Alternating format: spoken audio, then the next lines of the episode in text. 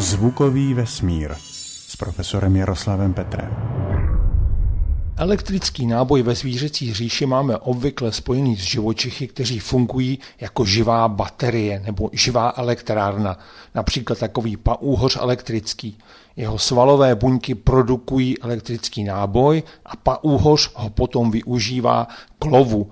Je schopen uvolnit ze svého těla velký elektrický výboj, který omráčí rybu, kterou pak paúhoř sežere.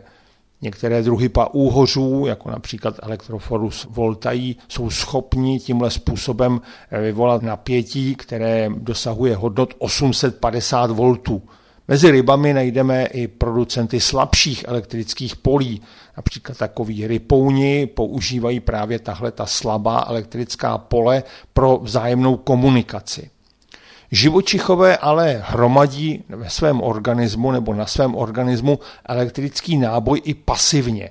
Například hmyz, který létá, tak třením o vzduch se elektricky nabíjí, získává elektrický náboj a tohle to může ten hmyz i využívat. Například takové včely nemusí usednout přímo na květ, ale elektrický náboj, který se nahromadí na jejich těle, přitáhne těmi elektrostatickými silami pil z květu na tělo té včely, aniž by ta včela na ten květ usedla.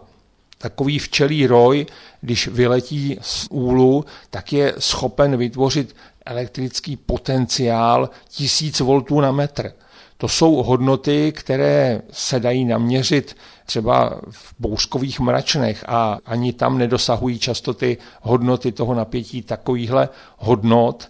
Ten roj je samozřejmě malý, ale když si představíme takové obří hejno sarančí, které má miliardy a miliardy jedinců, tak tam ten celkový náboj se může skutečně vyrovnat bouřkovému mračnu, i když vědci považují za krajně nepravděpodobné, že by z letícího hejna sarančí se uvolnil blesk směrem k zemi. Přesto tenhle ten hmyz, jak se pohybuje vzduchem, tak může ionizovat nejrůznější částice, které se v tom vzduchu pohybují, může měnit směr jejich pohybu a protože tyhle ty částice často slouží jako kondenzační jádra pro kondenzaci vodních kapek, tak může ovlivňovat i srážkové poměry. V poslední době se vědci nábojem, který se může nahromadit na organismu živočicha zabývají velmi podrobně a odhalují, že se tenhle ten náboj dá využít v přírodě pro pohyb.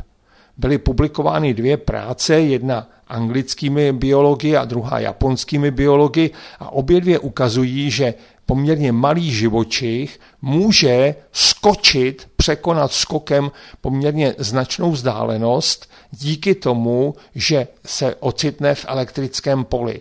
Takže ten japonský experiment se zabýval hlísticí Cenorhabditis elegans. To je běžný modelový organismus, který se používá po celém světě a ti japonští vědci se zarazili nad tím, že i když dají ty červíky na agar do Petriho mise, které jsou z plastů, tak často najdou toho červíka přilepeného na víčku.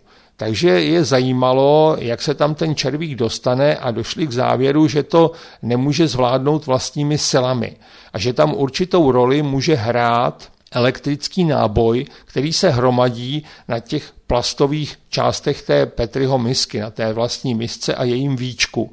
Takže když pak si tam připravili rychloběžnou kameru, tak zjistili, že skutečně ten červík je přitažen elektrickým nábojem toho víčka k tomu víčku. Takže začali zjišťovat, jestli náhodou červíci nemůžou tohohle toho využívat pro něco, čemu říkáme foreze. Foreze je pohyb živočichů, kdy se živočich přichytí na organismus jiného, většinou většího živočicha a nechá se jim vozit. O těch červících, o těch lísticích se ví, že se přichytávají na těla plžů, brouků, tihle ti živočichové většinou negenerují velký elektrický náboj, tak tam ten elektrický náboj asi nehraje velkou roli. Tam zřejmě dochází k přímému kontaktu, ale hlístice byly nalezeny i na těle létajícího hmyzu, jako jsou čmeláci. Takže věc se zajímalo, když se ten čmelák elektricky nabije tím, jak lítá, a dostane se někde do blízkosti té hlístice, jestli ten elektrický náboj na těle čmeláka může tu hlístici přitáhnout.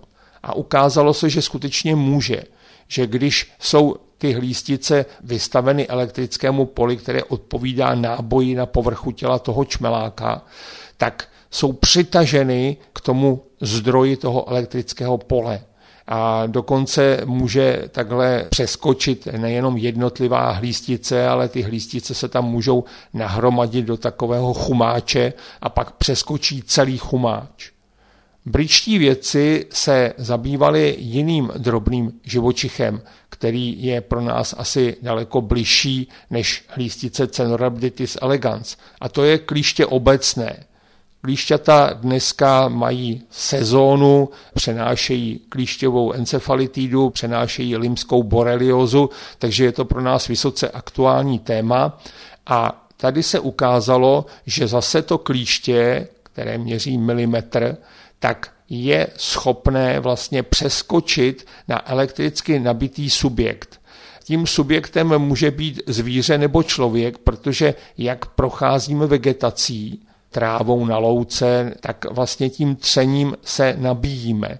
To znamená, to klíště je schopné využít tenhle ten náboj přitažlivých elektrostatických sil k přeskoku. Samo není schopné vlastními silami přeskočit, ale může se nechat přetáhnout těmi silami toho elektrického náboje vzdálenost není velká, je to jenom několik málo milimetrů, ale u milimetrového klíštěte je to několika násobek délky jeho těla. Takže ti autoři sami rovnávají ten skok toho klíštěte k tomu, jako kdyby člověk skočil tři nebo čtyři patra. A to už nám určitě přijde jako výkon docela úctyhodný. Takže klíště je asi schopné přeskočit na toho potenciálního hostitele na určitou krátkou vzdálenost právě díky tomu, že je tam vyvinutý ten elektrický náboj. Vědci dneska předpokládají, že tenhle ty přeskoky, ty elektrické skoky, že jsou v přírodě zřejmě rozšířenější, že je možná využívají i takový dobří skokani, jako jsou blechy, a možná i další cizopasníci, kteří cizopasí na povrchu těla svých hostitelů. Ale tohle to ukáže až další výzkum. Další příspěvky zvukové přílohy vesmíru najdete na vesmír.cz lomeno zvukem. Děkujeme za pozornost.